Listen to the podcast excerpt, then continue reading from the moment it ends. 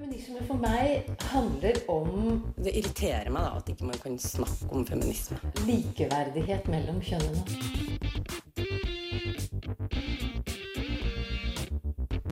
Det blikket på kvinnen på film. Det handlet det om å bli tatt på alvor som jente. Du hører på Et eget rom på Radio Nova. Stadig får oppmerksomhet fordi mange mener at den ikke er bra nok. Men hva er det som skal til for at det skal bli bra? Hva er det som egentlig mangler? I dag et eget rom live fra Femfest på Chateau Neuf, og temaet er seksualundervisning.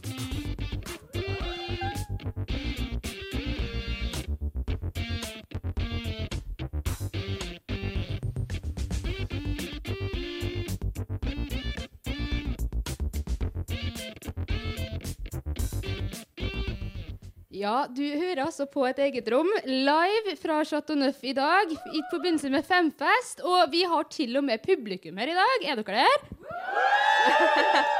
Veldig gøy. Ja. Veldig gøy. Det her er jo så gøy. Det er ikke så ofte vi får muligheten til å gjøre det. Nei. Og dem som er her og får muligheten til det i dag, det er meg, Anne Marie Sunde, og deg, Sofia Fischer. Ja, det er det. Og det er veldig gøy at vi får flytte oss ut fra vår studio i tredje etasjen eller fjerde etasjen og komme ned hit og treffe alle dere og få snakke om noe som er utrolig viktig og noe vi syns er veldig, veldig interessant. Mm, definitivt. Seksualundervisning. Seksualundervisning. Ja, det er det absolutt. Eh, men eh, Sofia, hvilket eh, forhold har du til seksualundervisning?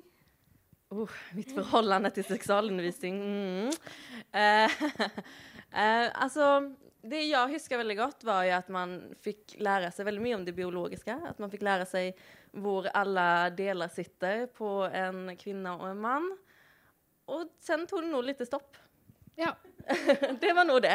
Ja, nei, men eh, jeg, jeg er enig med deg. Jeg tror det er litt det som er gjengangeren. At det er veldig mye biologisk. Du får vite at du må bruke p-piller, og det er omtrentlig det. Eh, så det er jo litt det vi skal prøve å gjøre i dag. Finne ut hva det er som er i seksualundervisninga i skolen i dag. Hva mangler, ikke minst. Ja. Ja, Og hvordan vi skal få det til å bli bedre. Praktisk sett. Hva er det som trengs for å få det til? Og hvorfor er det så viktig egentlig med seksualundervisning? Mm. Ikke sant. Men Men ja, det er jo sånn at ja, du skal heldigvis slippe å gjøre det her helt alene. Vi skal få noen flotte gjester opp på scenen etter hvert og hjelpe oss både med innholdet i seksualundervisninga først, og så litt seinere om eh, det praktiske. Men eh, vi, mens vi henter opp gjestene her på Chateau Neuf, så skal du få høre en sang. Så her kommer eh, Myra fra Bergen med 'Føler meg selv'. Ja, der fikk du altså Myra med 'Føler meg selv'. Og hun skal jo spille på Femfesten her senere i kveld, så det anbefaler jeg absolutt å sjekke ut hvis dere har tid til det. Eh, nå har jo vi fått besøk opp på scenen her. Superkoselig. Det er Marianne Stølen Nilsen fra Sex og politikk. Og det er Hilde Arnsen fra Rosa kompetanse. Og det er eh, Oi, hvor ble det av? Helle Paulik, der ble det av. Helsesøster i skolen. Tusen takk for at dere kunne komme og være med oss i dag. Eh, jeg lurer på om vi kanskje skulle begynne med en kort eh, introduksjonsrunde, hvor dere bare kan fortelle litt hva dere jobber med. Skal vi begynne med deg, Hilde, kanskje? Ja, det kan vi. Eh, ja, jeg leder et prosjekt som heter Rosa kompetanse skole. Vi er en fagavdeling som er plassert i FRI, Foreningen for kjønns- og seksualitetsmangfold. Og vi jobber med kompetanseheving rettet mot skoleansatte i Norge, hvor vi tilbyr faglig undervisning og veiledning. Ja. Eh, der målet vårt da, er at alle elever som går i norske skolen, eh, som bryter med normer for kjønn og seksualitet, kan føle seg trygge og også inkluderte. Mm. Eh, skal vi gå videre til deg, Marianne? Ja. Eh, jeg er seniorrådgiver i sexpolitikk. Jeg har bakgrunn fra ungdomsskole og jobber som lærer i Niør. Jeg har også skrevet en masteroppgave om seksualitetsundervisning. Så leverte den i juni, og så i slutten av juni så fikk jeg jobb her og flyttet da, som du kanskje hører, fra Bergen til Oslo. Eh, og sex og politikk er jo, jobber jo da for seksuell og reproduktiv helse og rettigheter. En av våre uh, viktigste oppgaver går på seksualitetsundervisning i, i Norge. Og vi utvikler da undervisningsmateriellet uke 6, som eh, nå over 40% av landets skoler bruker. Og det er til undervisning om seksualitet. Så er jeg involvert i det hos oss. Mm, kjempebra. Og så til slutt, du, Helle. Ja, mitt navn er Helle Paulik. Jeg er eh, helsesøster i eh, en bydel i Oslo. Eh, I tillegg er jeg utdannet eh, sexologisk rådgiver, så jeg har en spesiell forkjærlighet for seksualundervisning. Sist høst, Vi helsesøstre vi jobber etter retning, faglige, nasjonale faglige retningslinjer. De ble oppdatert, så vi fikk nye retningslinjer sist høst. Og de legger veldig eh, stor vekt på seksualundervisning. Og eh, ikke bare seksualundervisning, men seksuell helse. Så allerede fra to- og fireårsalder så skal det temaet tas opp på helsestasjonen. Og så er det et gjennomgående løp eh, gjennom hele skoletiden. Men det er klart, min, jeg er veldig, jeg er én person. Det er ikke noen eh, veldig klare retningslinjer i forhold til eh, helsesøsters oppgaver eh, rundt omkring, da. Jeg tror det er en viktig oppgave for deg, da. Det tror jeg absolutt. Eh, men eh, før vi begynner å diskutere hva som eh, mangler, og hva som vil bli bedre, så tenkte jeg vi kan starte med litt sånn Hvordan er seksualundervisninga i skolen i dag? Åpent spørsmål til den som vil svare. Ja, jeg, jeg er ubeskjeden. Mine elever, mine elever får god opplæring. Eh, men igjen, ikke sant, det er jeg, jeg har en spesiell interesse for faget. eh, og har solgt meg inn blant lærerne og fått, en, eh, fått stor tillit. Og, eh, men, men jeg vet jo at det er ikke sånn overalt. Mm. Ja. Nei, det er jo noe av det som er poenget, at det er veldig tilfeldig, dessverre. Um, seksualitetsundervisning er ganske avhengig av enkeltpersoner, enkelte engasjerte. Du er engasjert hos dere, jeg var engasjert hos oss. Nå er jeg engasjert på et annet plan. Eh, men uh, det må sies at det gjøres også ganske mye bra på seksualitetsundervisningen. Det er mange lærere som ønsker å gjøre en god jobb. Uh, vi blir veldig ofte kontaktet av lærere som sier 'hvordan kan jeg gjøre dette på en god måte'? Vi ønsker at dere skal komme og holde et kurs for oss. Eh, vi bruker materiellet uke seks og, og ønsker å lære bedre hvordan vi kan bruke det. Eller, eh, og så er det ofte det at de ønsker noen å spille ball med. At de gjerne føler at skoleledelsen ikke vektlegger det, at de ikke får, får tid til å samarbeide med andre lærere på det. da. For det er jo det at det ligger til uh, flere fag i skolen. Eh, og det betyr at det er flere lærere som er involvert, og da betyr det at man trenger å samarbeide hvis seksualitetsundervisning skal bli helhetlig. Som er jo det vi ønsker han skal være. Men føler du da at eh, lærere står veldig alene i seksualundervisningen? At de må på noe sett finne fram selv hva de har lyst til å si? Eh, at de egentlig ikke har noen i ryggen til å hjelpe de komme fram med material?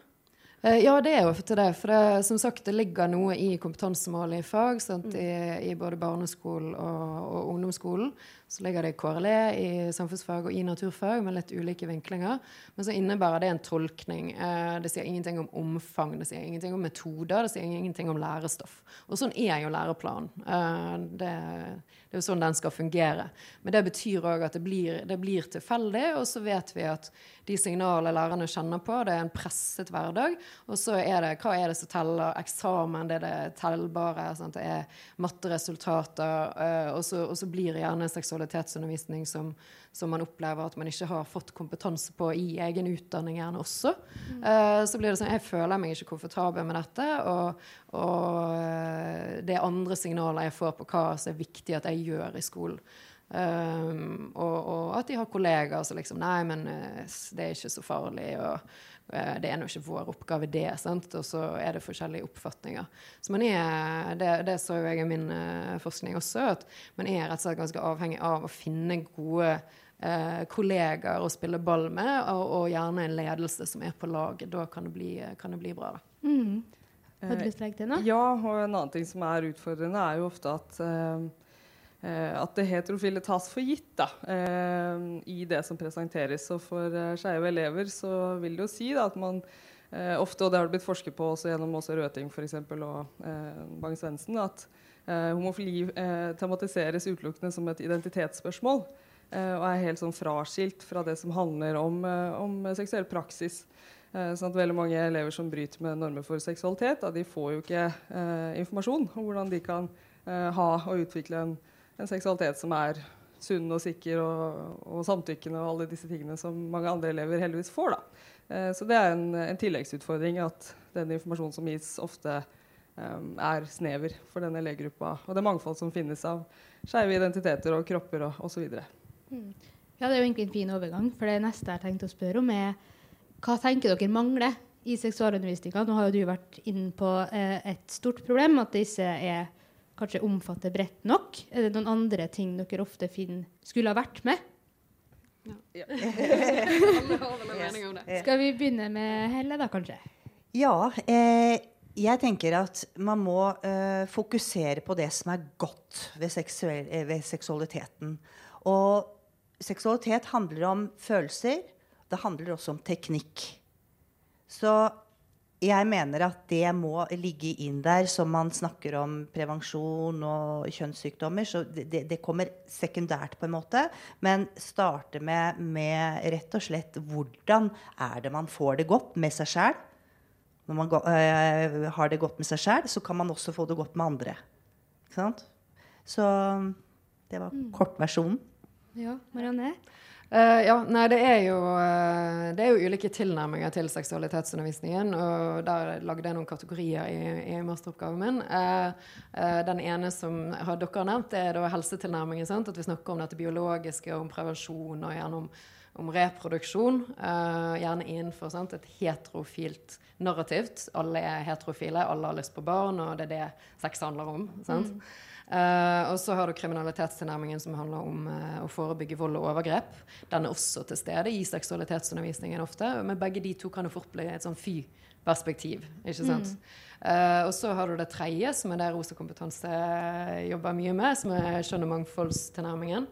At alle skal føle seg inkludert, at man skal få opplysning om seksuell identitet, kjønnsidentitet, mangfold og, og aksept. Uh, og til sammen så blir dette en helhetlig tilnærming som handler om en allmenndanning. At seksualitet er en del av allmenndanningen, en del av det du er som menneske. Og det er jo der vi vil. Uh, og det er det som er den helhetlige, normkritiske, alderstilpassede med positivt fokus. Uh, det er det vi ønsker. Men, men, det som ofte blir i en sånn presset skolehverdag, så blir det liksom de biologiske faktaene, det er kjønnssykdommer, og det er gjerne litt om vold og overgrep også, fordi at det er jo eh, det eneste gjerne lærere har lært om i egen utdanning. Mm. Uh, og det eneste som de føler at det, det, det, blir vi gjerne sett litt i kortet på hvis vi ikke tar opp. Men om vi har snakket om nytelse altså Det står ingenting om nytelse i kompetansemålet. Det står ingenting om seksuell praksis. Uh, og, og, der vet vi jo òg at, at, at porno brukes som seksualopplysning i mangel på dette i skolen. Mm. Så, så, det er jo noe jeg har gjort sjøl, og som jeg anbefaler også hvis jeg underviser lærerstudenter. og sånn, at Kanskje porno er en inngang til å snakke om den seksuelle praksisen.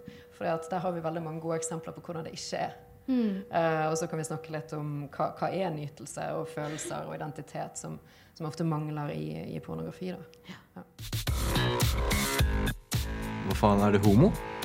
Ja, homo Jeg tror kanskje jeg er litt homo, da, men Du hører på Et eget rom på Radio Nova. Og så har jeg litt lyst til å snu det litt og spørre dere, for jeg har jo forstått det sånn at dere alle har vært i nærheten av unge og i skoler og sånn. Eh, hva er det de oftest lurer på? Hvordan har man sex? ja! På alle mulige måter. og, og, det er litt sånn morsomt. Det er noen, Hvordan har homofile sex? Kan de spørre om. Eh, som alle andre. Ikke sant? Jeg, eh, jeg kommer inn pulings, Altså sex er mer enn pulingsen, sier jeg. Og, og eh, presentere mannfold. Og, da, og, og, som sagt, de er, veldig mange er veldig heterofokusert. Så det tenker jeg er min viktigste oppgave. Å, å ikke snakke om kjønn spesifikt. Snakker om sex med seg selv, sex med andre. Ferdig. Mm. Uh, men det er mye uh, ikke sant? Det er det generelle. Og så er det, merker jeg jo, helt nede i femte klasse, at de spør, lurer på analsex. Mm. Ikke sant? Og uh, cumshot og masse sånne fine ord. Og eh, de har plukka opp fra pornoen, enten selv eller via andre. Så jeg tar alt seriøst. Jeg svarer så godt jeg kan. Ja. Mm, uten å rødme. Det er viktig. Det er veldig viktig. Og ja, altså i undervisning, det er jo bare for å si det, at det er jo så viktig å kunne snakke om seksualitet på en normal måte. Forstår du der og er forknytt og rødmer og ikke klarer å si eh, penis, eller eh, hvilket ord det nå skulle være, så, så sender du et signal på at dette er tabu. Uh, og da vil ikke den unge ha, ha den tilliten som er nødvendig til at de kommer og stiller disse spørsmålene. Eh, når det er sagt, så er det viktig å legge opp til anonyme spørsmål, for det er ikke alltid man vil uh, stille spørsmålet direkte. Uh, og da er det som du sier, det går mye på seksuell praksis, Uh, og det er veldig tydelig at mye av det er inspirert av uh, porno. Og, og noe av det som også gjerne mangler i porno, er jo dette med hvordan man faktisk, faktisk kan tilfredsstille en jente eller kvinne. Og det opplever jeg jo f.eks. typisk at, at gutter lurer på. og hvordan man kan gjøre det. Eh, men ellers er det òg viktig å vite at noen ganger vet man så lite at man vet ikke hva man lurer på heller. Uh, så at man først får litt undervisning, og så kommer gjerne spørsmål etter hvert. Og noen vil tørre å ta de opp i klasserommet, og andre vil måtte gjerne komme til deg etterpå eller sende inn anonyme spørsmål på lapper. og ja. Men å starte dialogen, da. Ja, jeg støtter det at eh, sånn som vår eh, eminente ungdomsorganisasjon Skeiv Ungdom har laga et sånt ressurshefte som jeg viser fram her nå, som heter Skeiv sexhåndbok. Det du ikke lærte på skolen. Så det, det ligger et lite spark der. Men der eh, Ja. Det er vår erfaring helt klart at mange lurer på hvordan i all verden skal vi ha sex. For det er ingen som har snakka om at vi kan ha det. på en måte. At man ikke har blitt ja, eh, snakka om eller følt seg inkludert i det som har blitt presentert. Da. Eh, vi er så vant til å tenke at kropp eh, er lik kjønn, og så vil ikke det stemme for eh, alle oss. Og så tenker vi at, eh, at alle har veldig godt av å, å løsrive seg litt fra dette veldig eh, kjønnsnormative, uavhengig av eh, ja, seksuelle orienteringer og kjønnsidentitet. Da. Um, Eh, någonting som jeg tenkte på nå når, når, når, vi snakker om det her med at lærere kanskje sitter och, och føler at det er veldig veldig vanskelig. Hvordan skal man, hvordan skal man utvikle det? Da? Hvordan skal man få eh, lærere og de som jobber på skolen, bli mer bekvemme å prate om sex? For hvis de føler at det er veldig vanskelig, så blir det jo veldig vanskelig for elevene også. Så på noe sett så må man begynne der også, at de føler seg komfortable. Og hvordan arbeider man da med de? Ja, nei, det er jo som sagt noe av det som mangler i de fleste lærerutdanningene. Eh, at lærer man om sex, er det det biologiske eller det å forebygge vold og, eller å avdekke vold og overgrep. Eh, så, så der må jo det inn en didaktikk, altså hvordan undervise om seksualitet. Eh, fordi at det å, å tro at man skal kunne absolutt alt om sex i løpet av lærerutdanningen, det, det er ikke realistisk. I tillegg må det være tilpasset til elevgruppen, og det må være oppdatert. Så man vil alltid måtte ut og, og finne informasjon og, og oppdatere undervisningen og tilpasse den. Men, men hvis det ligger noe grunnleggende i lærerutdanningen på hvordan snakke om seksualitet, f.eks. det Nei, du skal ikke snakke om deg sjøl. Du skal ikke snakke om dine egne erfaringer. Og det er et promiss, eh, premiss, ikke sant. Eh, du kan for alle sikkert få spørsmål eh, om, om din egen seksuelle praksis, men, eh, men de svarer man ikke på. Sant? Eh, så, så i lærerutdanningen, men også det at det må tilbys jevnlig kurs for å, å trygge lærere. Og det gjør vi til en viss grad, og det gjør jo også Rosa kompetanse. Eh, men, men så er det òg utfordringen at kommunen må sette det på agendaen, sette av midler til det, og at lærerne faktisk får fri for å gå. For veldig ofte så er folk sånn Å, hvorfor er det ingen lærere på dette arrangementet? Nei, fordi de får ikke fri. De trenger en vikar for å kunne gå, og det får de veldig ofte ikke. Så det, det krever noe fra, fra flere nivåer, da. Ja, nei, altså, jeg går jo lærerutdanning. Jeg kan skrive ned på det at ingen har nevnt seksualundervisning én gang, og er nå på fjerde året. Så det tror jeg er veldig sant. um, men ja, apropos lærerutdanning, uh, kanskje prate litt om hvordan vi skal prøve å få organisert det her. Uh, fordi litt sånn som dere snakker om det med å kanskje normalisere, da, gjøre seksualitet en ting man kan prate om. Uh, at man ikke er redd for å snakke om det, at det ikke blir pornoen som er det som oppdrar folk i seksualitet. Eh, hvordan skal man organisere seksualundervisninga? Skal man begynne tidlig? Altså, hva skal man gjøre her for å sørge for at det blir bra? Skal vi begynne med Helle? Jeg, eh, du sa det, begynne tidlig. Eh, man må begynne i barnehagen. Eh, det må være tema der. Eh, at eh, de ansatte snakker med barna om eh, kropp og, og den gode seksualiteten. Eh, dels fordi at eh, barn er nysgjerrige og har en god seksualitet, eh, potensialet, men eh, også for å gi de språk, eh, slik at de kan si ifra når noen gjør noe mot de som ikke er bra. Enten det er andre barn eller det er voksne. Så ikke sant? Der start, må det starte, og så må det være en plan, sånn at man drypper litt år for år i skolen. Eh, eh, fra første klasse og oppover. Også fordi jeg tror at dette her øh, tar nok kanskje en generasjon eller noe sånt nå, før man får til å snu. Men hvis man blir vant til det, at det er tema helt naturlig fra man er små, så blir det ikke så drita flaut når man blir tenåring og, og blir mer, har, har mer tekniske spørsmål. Og det tenker jeg også voksne som i utgangspunktet kanskje er litt sjenert. Men hvis barna er trygge, så smitter jo det. Mm. Men sånn med tanke på fag, skal det under flere forskjellige fag? Skal det spesifiseres? Altså, hva kan man gjøre her? Marianne? Ja, eh, nei, det er jo det evige at hvis alle har ansvar for noe, så har plutselig ingen ansvar for det. Eh, så, så det at seksualitet må ligge til flere fag, og at det må ligge i kompetansemålet, det tenker jeg at det, at det skal det.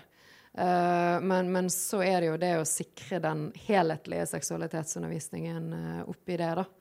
Eh, men eh, nå får vi nye læreplaner. Overordnet del er jo vedtatt. Da har vi faget, det tverrfaglige temaet folkehelse og livsmestring. Eh, der står kjønn og seksualitet som en del av det. Eh, og, og der tenker jeg at det blir, det blir greie, greiere for, for lærere å forankre og si at jo, dette er en del av mandatet til oss alle. Uh, men, men igjen så krever det at man, man blir støttet på, på det. At ja, dette er noe alle skal ta opp. Og som du sier, vi skal begynne tidlig. Uh, helst skal det være noe som foregår årlig, og at det blir noe naturlig. Sant? At, det er, at det er en sak. Eh, det, er et eller annet i nyhetene, og så er læreren komfortabel med at nå går jeg inn og snakker om dette. Sånn som jeg sjøl har gjort. Sant? Satt på bussen på vei til jobb og leste et eller annet om en mann som var blitt ufrivillig gravid. Eh, han hadde liksom dagen etter spurt om, om kvinnen gikk på prevensjon, og så hadde hun sagt hun ikke gjorde det. Og så, Det var jo noe av det første jeg sa til elevene. Dagen etter hm, Var det noe han kunne gjort før dette? litt sånn, Kanskje vi skal snakke litt om dette med kondombruk, eller Ja. sant? Men, men det er noe med det å liksom bare bli, bli, bli trygg i det at seksualitet er rundt oss overalt. Eh, man blir jo bombardert med seksuelle inntrykk uten å oppsøke porno. Um, men, men de gode samtalene der man snakker om den gode, normale seksualiteten som vi alle har, uavhengig av om vi er seksuelt aktive, og uavhengig av hvilken, eh, hvem vi er tiltrukket av, eh, de samtalene mangler i veldig stor grad. Så, så de, som må, de som må opp. Ja. Mm. Det som gjør meg litt sånn optimistisk nå i disse dager, er at jeg, sånn jeg ser det, så er eh, seksualundervisning, eller seksualitetsundervisning, som jeg bare har begynt å si fordi Hvorfor? Eh, nei, det er liksom eh, Det har skjedd noe. Du skriver litt om det i masteroppgaven din også, men for meg så er det rett og slett det praktiske fordi undervisning om seksual. Det liksom klinger ikke like godt som undervisning om seksualitet. Men eh, ja, seksualitetsundervisningen er eh, høyere oppe på politisk dagsorden enn den har vært på ganske lenge, oppfatter jeg. Eh, når Barneombudet kom eh, og lanserte sin rapport nå om seksuelle krenkelser, eh, alle kjenner noen som har opplevd det, så er jo en av deres hovedanbefalinger å styrke seksualitetsundervisningen i skolen. Og med de forhåpentlige bølgene etter metoo og i metoo, så tenker jeg at med seksuelle krenkelser høyt oppe på, på agendaen og i mediebildet, så knyttes det heldigvis også opp mot seksualitetsundervisning og også det positive. Altså vi må lære om, om, eh, om ja, det som dere har snakket om, for å kunne forebygge og avdekke og, og, og følge opp eh, ja, hele bildet. Da. Mm. Og så har jeg et siste spørsmål, eh, som jeg personlig er veldig interessert i, spesielt til deg kanskje. At jeg har hørt en del diskusjon om det med kjønnsdelt seksualundervisning. Og jeg tenker det er jo ikke så svart-hvitt som det man kanskje eh, kan se det for seg. Men jeg tror det er en praksis som ganske mange benytter seg av. Har dere tanker om det? Ja, eh, det har vi.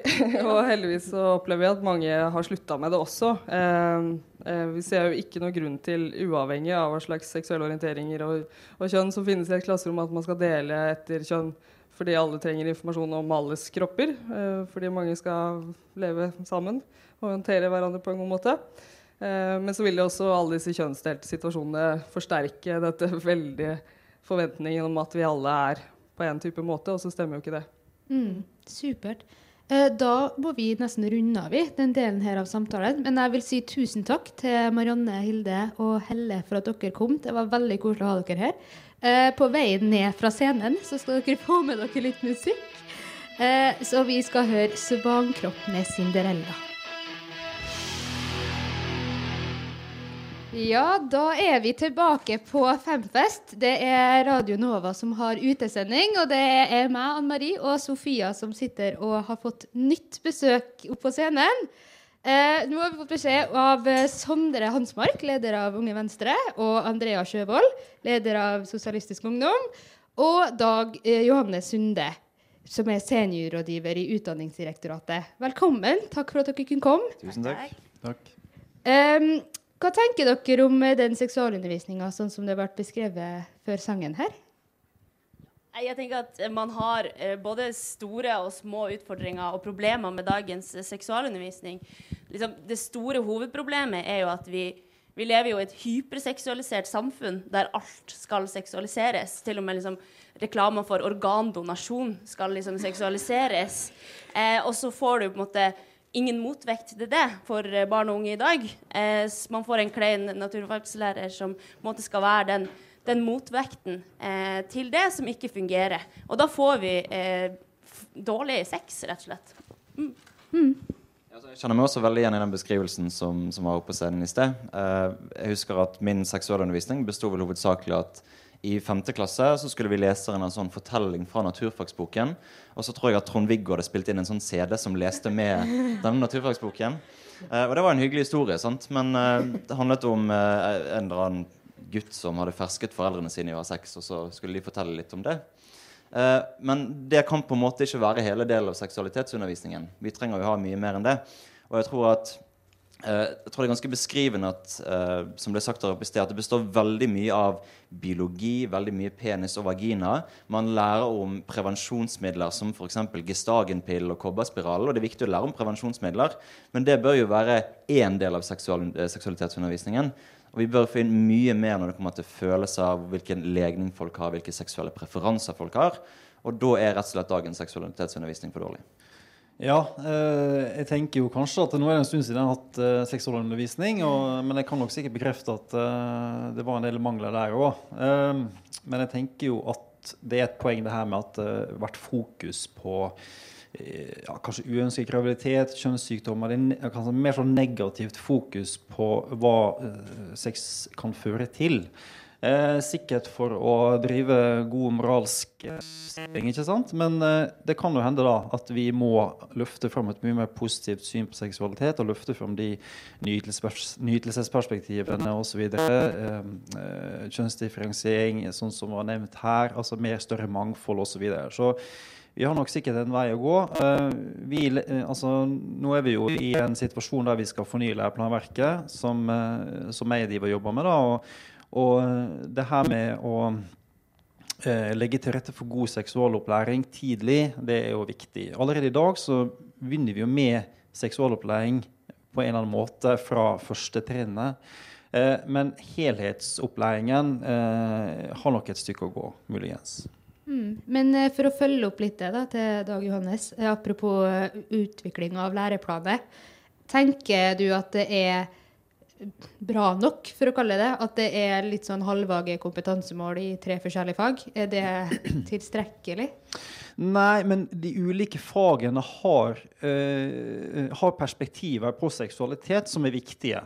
Poenget er hvordan jobbes det med helheten av det greiene her. Elevene skal ha én kompetanse. ikke sant? Og det er viktig at de fagene ses, altså de målene som skal oppnås, ses i sammenheng. Og uh, et, en måte kanskje å møte det på er jo det vi prøver nå, å få en mye større tverrfaglig tilnærming til opplæringen. At vi skal legge til rette for at elevene skal lære noe i dybden, så må, det, må vi ha mindre, eh, mindre, stoff å lære, men vi må lære ting ordentlig. Og de må kunne se sammenhenger i og mellom fag. Eh, eh, de i sted nevnte jo et tverrfaglig tema som heter folkehelse og livsmestring, som eh, allerede nå står i, eh, i overordna del. Gjelde, det er et sånt verdi- og prinsippdokument som skal gjelde for all opplæring i skolen. Eh, og det er jo vesentlig da at lærere klarer å lage en enhetlig opplæring fra alle de ulike faglige perspektivene, slik at uh, det ikke blir litt små drypp her, og at uh, de biologiske naturfagene ikke ses i sammenheng med etikk fra KRLE-fag f.eks. osv. Men uh, til alle, egentlig, tenker dere at det da skal være den enkelte lærer som skal gå til de andre lærerne og fikse det her sjøl, eller skal det på en måte være noe hjelp? Vi har jo nevnt uke seks her tidligere, og sånne ressurser. Eh, skal det være noe mer hjelp for lærerne å få? Ja. Ja, bare start. Nei, altså jeg tenker at det i dag er altfor avhengig av enkeltpersoners engasjement rundt det, som vi også hørte i sted. Og det er et kjempeproblem. Og det her må mer inn i undervisninga. Vi har foreslått at man skal få et eget emne på lærerutdanninga som er seksualitetsundervisning. Sånn at man faktisk får de lærerne, og det faktisk er de lærerne som ønsker å ha seksualitetsundervisning, som gjør det. At man ikke nødvendigvis skal tvinges til å gjøre det hvis man syns det er ubehagelig og det er ikke noe man kan stå inne for. Men de som er gode på det, de som engasjerer rundt det, de som kan temaet, skal få lov til å gå i dybden på det og være de som gjør det. Og så syns jeg også at man, man kan eh, av og til få inn eksterne aktører, som sexpolitikk eh, eller andre, eh, som også kan eh, bidra til å, å liksom, ja, utvide kompetansen til, til, de elevene som sitter i, i det klasserommet. Da. Eh, men jeg tror det viktigste er at vi, vi gir lærere flere tilbud eh, og muligheter til å kunne utdanne seg sjøl rundt det. da. Et spørsmål til deg. Du sier at ni ønsker et, et fag der man lærer seg, altså lærere går og tar om seksualundervisning. Jeg tenker på f.eks. Uh, ute på bygda, der man ikke er så mange lærere. Hvis, hvis det mangler en lærer som har tatt den utdannelsen, hvordan, hvordan skal seksualundervisningen fungere da på skolen? Altså, da, da, må man jo finne andre muligheter til det. Men det vil jo være alle andre fag på en måte også. Eh, at mangler man en norsklærer, så må man hente inn en, en, noen som har norsklærerkompetanse eh, på de skolene der det er få lærere. Eh, men jeg tror allikevel det viktigste er at det er fremdeles lærerne som er, eh, eller helsesøster, hvis man har det på skolen eh, hver dag, som skal holde i dette. For det må være noen som du har kjennskap til, som du har trygghet på, og du kan snakke med hvis det er noe mer. Hvis du trenger å, å være fortrolig med noen. Sånn at det, hjelper ikke bare å hente inn eksterne aktører som snakker om dette her en gang i året, når vi ser at elevene sitter med masse spørsmål, og kanskje sitter på masse ting de burde ha snakka om. Mm. Dag Johannes, du hadde kommentar til det?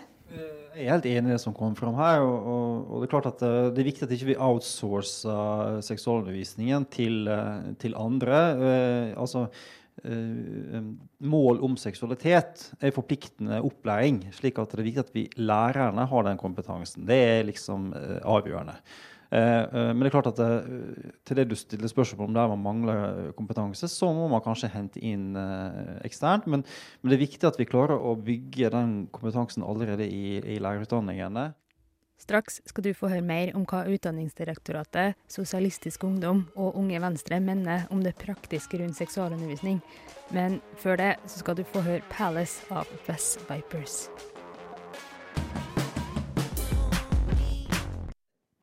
Altså jeg må si at det, det som skiller meg, og det som er viktig for når vi skal utvikle læreplaner, det er jo å, å, skape gode holdninger, verdier. Vi skal sørge for at opplæringen skjer på en sunn og fornuftig måte. Og de, eh, når vi snakker om det overordnede del, så er det jo eh, likestilling, likeverd, altså de, de, prinsippene som er viktige. Og jeg har snakka en del om seksualundervisning, og det har vært mye me i media i det siste om at gutter spesielt lærer om seksualitet gjennom porno.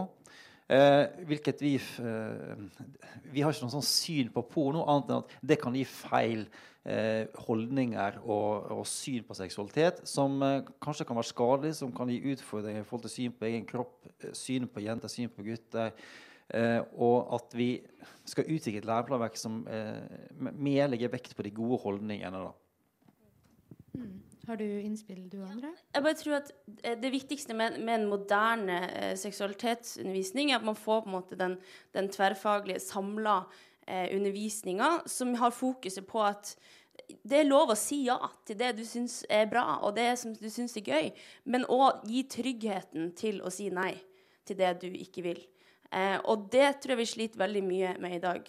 Og så mener jeg at vi burde som politikere egentlig, eh, som har jobba med det her i alle år, alltid har vært enige om at alt skal inn i seksualundervisninga. Seksualundervisninga det kommer til å ordne alt og alle de store problemene vi har i samfunnet. Eh, bare se på metoo. Eh, løsninga er seksualundervisninga. Voldtektsproblematikken, løsninga er seksualundervisninga. Eh, norske gutter er på toppen i Europa på porno. Løsninga er seksualundervisninga. Men allikevel får vi ikke liksom noe dreis på seksualundervisninga. Vi får ikke styrka på det. Så jeg ønsker at vi skal gi ungdom, eh, unge rett til en seksualundervisning. At man skal ha et obligatorisk timetall der du skal på en måte ha rett til en viss mengde seksualitetsundervisning før eh, du er ferdig i skoleløpet. Fordi det er eh, utrolig viktig, og det tror jeg liksom vi alle, eh, alle selvfølgelig enige i, men det må bare ja, vi må forplikte oss på noen måte, da, hvis ikke så kommer det til å renne ut i sanda. Mm. Eh, og så har jeg lyst til å spørre deg, Dag Johannes, om eh, Fordi du er jo ikke politiker, så da kan du kanskje snakke fra et utdanningsdirektoratperspektiv i stedet. At hva er det som gjør at det ikke er gjennomført tiltak så langt? Sånn helt konkret. Er det økonomi? Er det kompetanse? Altså, hva er det som gjør at det ennå ikke er gjennomført? Ja, det, er, det er vanskelig å svare på. Fordi eh, politikere de kan gi penger og bevilge ting, og vi skal egentlig gjøre som politikerne sier. ikke sant? Eh, men, eh, men eh, jeg tror at mange lærere, og de fleste kanskje, driver god seksualundervisning. Jeg har ikke noe grunnlag for å si at de ikke gjør det. Og så er det jo andre som jobber tettere på, på skolen, som kanskje ser hvordan det er. Men læreplanen som vi forvalter, den har mange mål forpliktende kompetansemål som elevene skal få opplæring i, og som lærerne er forplikta til å undervise i. Eh, og, og, og eh, at ikke det er noen eh, Hvis ikke det er en helhetlig undervisning der, så må kanskje noe gjøres. Men vi gjør jo det nå ved at vi får et tema som skal prøve å se på helheten av eh, undervisningsopplegget. Og så er det det at vi må, vi må kanskje være flinkere som det kommer fram her, til at eh, som sagt, lærere som, uh, som er flau for å undervise det. Altså, det er, vi må forbi det, uh, forbi det stadiet der. der er, altså, elever i dag krever kanskje mye mer. Uh, fordi vi lever i et veldig seksualisert samfunn, og de har tilgang på mobiltelefoner og de har tilgang på, veldig, på det materielle her på en måte hele tiden. Og det blir skolens oppgave å legge til rette for en sunn måte å gjøre det på. Eh, og da må kanskje det sånn som vi gjør her, ta temaet opp mye oftere i, eh, i den offentlige debatten. Og, og, på en måte vekke nysgjerrigheten og sette det på dagsordenen. Jeg tror kanskje mye ligger der, altså, at det må fram i lyset på en annen måte enn, eh, enn det har vært tidligere. Jeg tenker eh, på litt det du sier om at, at lærere syns det er flaut. Jeg tenker at det må jo Det er mange jeg har snakket med i min alder og yngre innenfor denne intervjuen, der jeg har fått høre at det er veldig mange som faktisk ikke har hatt seksualundervisning i det hele tatt.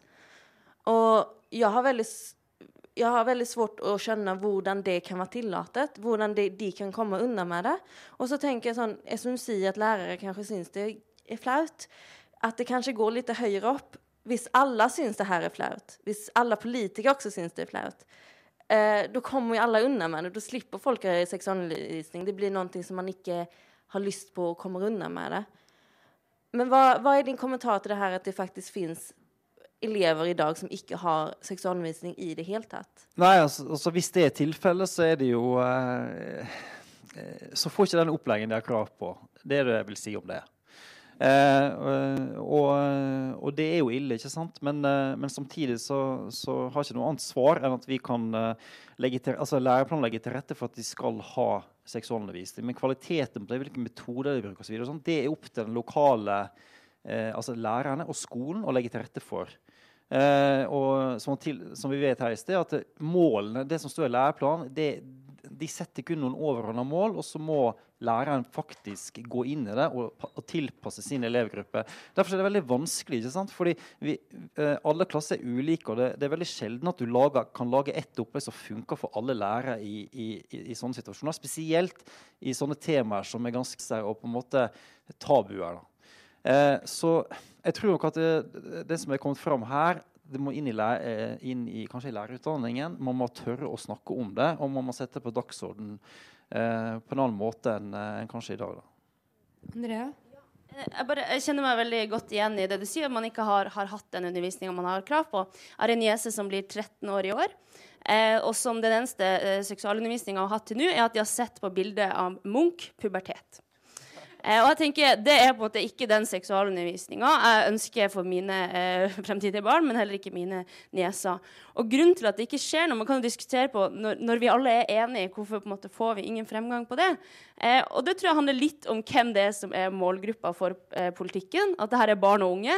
Eh, politikk som handler om barn og unge, har ikke like stor status i det politiske samfunnet som andre eh, politiske tema. Det blir nedprioritert, rett og slett. Og så tror jeg det handler om hvordan skolepolitikk det vi har i dag. Vi har en teste- og puggeskole, og seksualundervisning kan og skal ikke måles, eh, heldigvis. Eh, men da også er det, som man var litt inne på her i sted, at det er ikke noe du på en måte kan i så stor grad eh, måte, ja, ha en, en, eksamen om eller ha en prøve om. Og da er det noe som blir nedprioritert, for man kan ikke se om man på en måte er Litt ond spiral, som du snakket om, at kanskje det er en del politikere som syns at dette er litt ubehagelig å snakke om. Og jeg kan jo se for meg at en del politikere fra f.eks. kristendemokratiske partier syns at dette her er litt sånn uh, ubehagelig å snakke om. Uh, og det må man liksom tørre å ta litt ansvar for og si, være mer konkret på hva man skal lære om i skolen. og Derfor mener jeg at man, man f.eks. burde kunne si at man skal lære om sex i barnehagen. Tørre å være så konkret, tørre å kunne debattere sånne problemstillinger. Og ikke bare på en måte være enige om de der runde formuleringene om at man skal satse på seksualitetsundervisning. Så det tror jeg er et viktig steg. Og så blir det en sånn ond spiral når politikerne syns det er pinlig, og læreren ikke får noen ordentlig opplæring på sin utdanning. Du nevnte jo at du var på fjerde år og ikke hadde fått noen seksualitetsundervisning enda. Det er jo egentlig ganske hårreisende eh, at mennesker som skal på en måte utdanne våre barn og barnebarn, ikke har kompetanse på noe av det mest sårbare og viktigste med det å være menneske. Så syns jeg det er ganske spesielt. Som igjen fører til at en del elever møter på en seksualitetsundervisning som enten er for dårlig, eller at de ikke møter på den i det hele tatt. Så jeg syns at vi skal ta vår del av ansvaret og tørre å være konkrete og kunne debattere litt. At lærere får eh, tilrettelegge selve undervisningen. At det ikke fins konkret hva, hvordan undervisning skal legges fram. For da blir du veldig forskjellig fra hvor du bor i Norge. Eh, Andrea? Ikke, det, det, er jo en del av problemet at det er ekstremt tilfeldig om du har fått eh, seksualitetsundervisning eh, in the first place, og om det er av god kvalitet. Eh, og da mener jeg derfor at det må i hvert fall inn, inn i lærerutdanninga at det er de lærerne som ønsker å holde seksualundervisning, som, som får lov til å gjøre det, eh, fordi det er det beste for utdanninga og for elevene. Eh, men allikevel så vet jeg ikke om man kan på, måte, ta vekk den ja, muligheten til å kunne lage sitt eget opplegg. For det kan også på mange måter bli veldig mye seksuell trakassering, f.eks. Så er det noe de er nødt til å ta opp spesifikt, men kanskje andre ikke trenger å snakke like mye om, f.eks. Mm. Du som er sliten og sinna og lei. Nå vil vi synge ei vise til deg om at kvinner kan si fra